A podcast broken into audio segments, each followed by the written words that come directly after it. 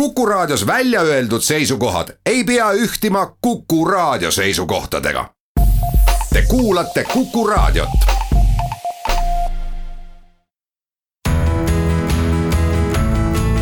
kuku Raadio nädala kommentaar.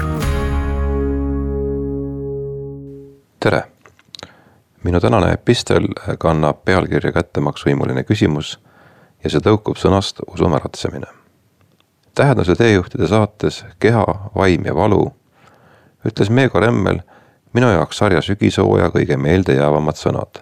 kui ma vaatan, mis täna maailmas toimub, siis info vaba liikumine internetis on tekitanud olukorra, et igaüks, kes midagi arvab, on ekspert. ja ta võib selle kirja panna ja mis kõik veel.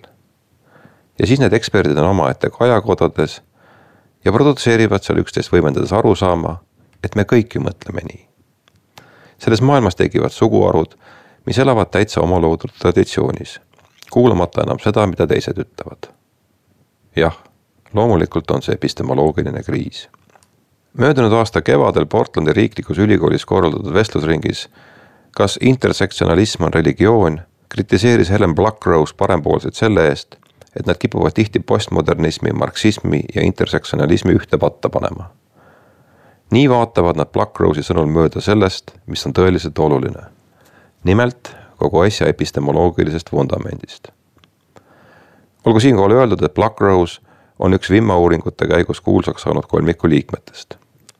keda asi lähemalt huvitab, siis ingliskeelne otsingufraas on grievance studies affair. olgem ausad, meie teksti on sisenenud juba õige mitu uudis- ja unarsõna.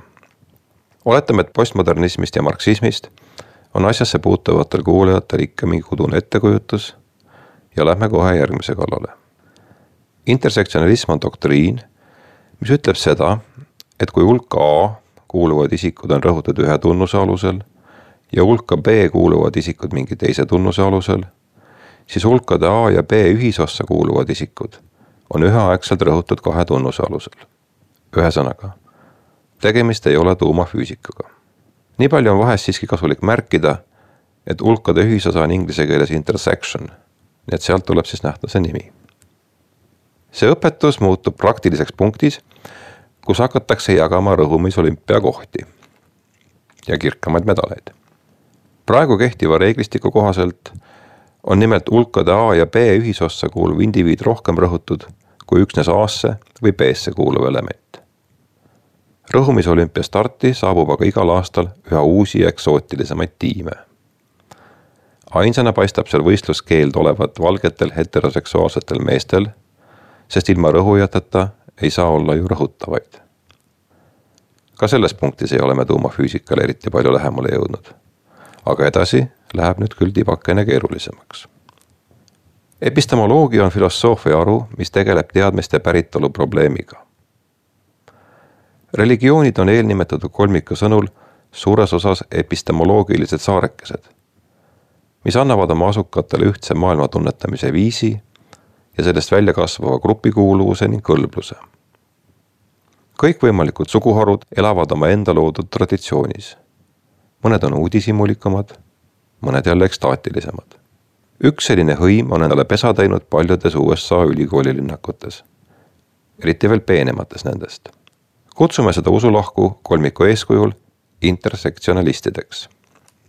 Blackrose ja tema kolleegide sõnul on see sekt loonud endale pühakirja, kuhu kuuluvad kõik usulahu eelretsenseeritud teadusajakirjades avaldatud artiklid. vimauuringute skandaal seisneski tegelikult selles, et meie kange kolmik vorpis sekti žurnaalide tarvis pinutäie kõige kangema jampsiprooviga artikleid, millest õige mitu seal ka avaldati osa leidis lausa äramärkimist, et avardavad äh, teadmiste piire ja nii. seestanud sektide piirid on tihtilugu rahutud. käesoleval juhul väljendub see rahutus usumäratsejate tudengite meeleavaldustes, mille õhkkonda on võrreldud sellega, mis valitseb Arthur Milleri näidendis Saalemi nõiad. võib-olla me peaksimegi oma ajastut kõrvutama viimase suure epistemoloogilise kriisiga, mis viib meid just nimelt nõiaprotsesside tegevusaega. sarnasusi on teisigi Briti ajaloolase Niall Fergusoni sõnul meenutab meie epohh kõige rohkem reformatsiooni aega, mil trükipress muutis avalikku ruumi samal määral kui internet täna. tollal loodeti, et odavam jumalasõna viib kõikide usklike harmoonilise vennaskonnani. jah, Luteri jutlused kandusid üle kogu Euroopa, ütleb Ferguson. kuid sama kiiresti levisid ka sellised raamatud nagu Malleus Maleficarum. Viieteistkümnenda sajandi lõpus ilmunud Malleus Maleficarum on keskaegne nõiaabits, mida on peetud Monty Pythoni ja Mein Kampfi iseäralikuks ristsugutiseks. vimmauuringute kolmiku tegevus osutas tunduvalt selgemini, kui paljudele meeldiks, et Hitleri igihaljale pamfletile omaseid mõttematriitse ei maksa sugugi otsida ainult neonatside ja teiste ahjualuste hulgast. Osadel raadiokuulajatel on praeguseks tõenäoliselt tekkinud järgmine täiesti õigustatud küsimus. mida see päss seal nüüd õigupoolest jahus? siit tuleb nüüd selle kommentaari kapteni kokkuvõte.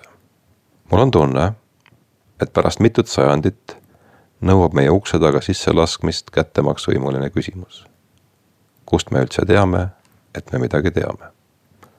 tänan tähelepanu eest. kuku raadio nädala kommentaar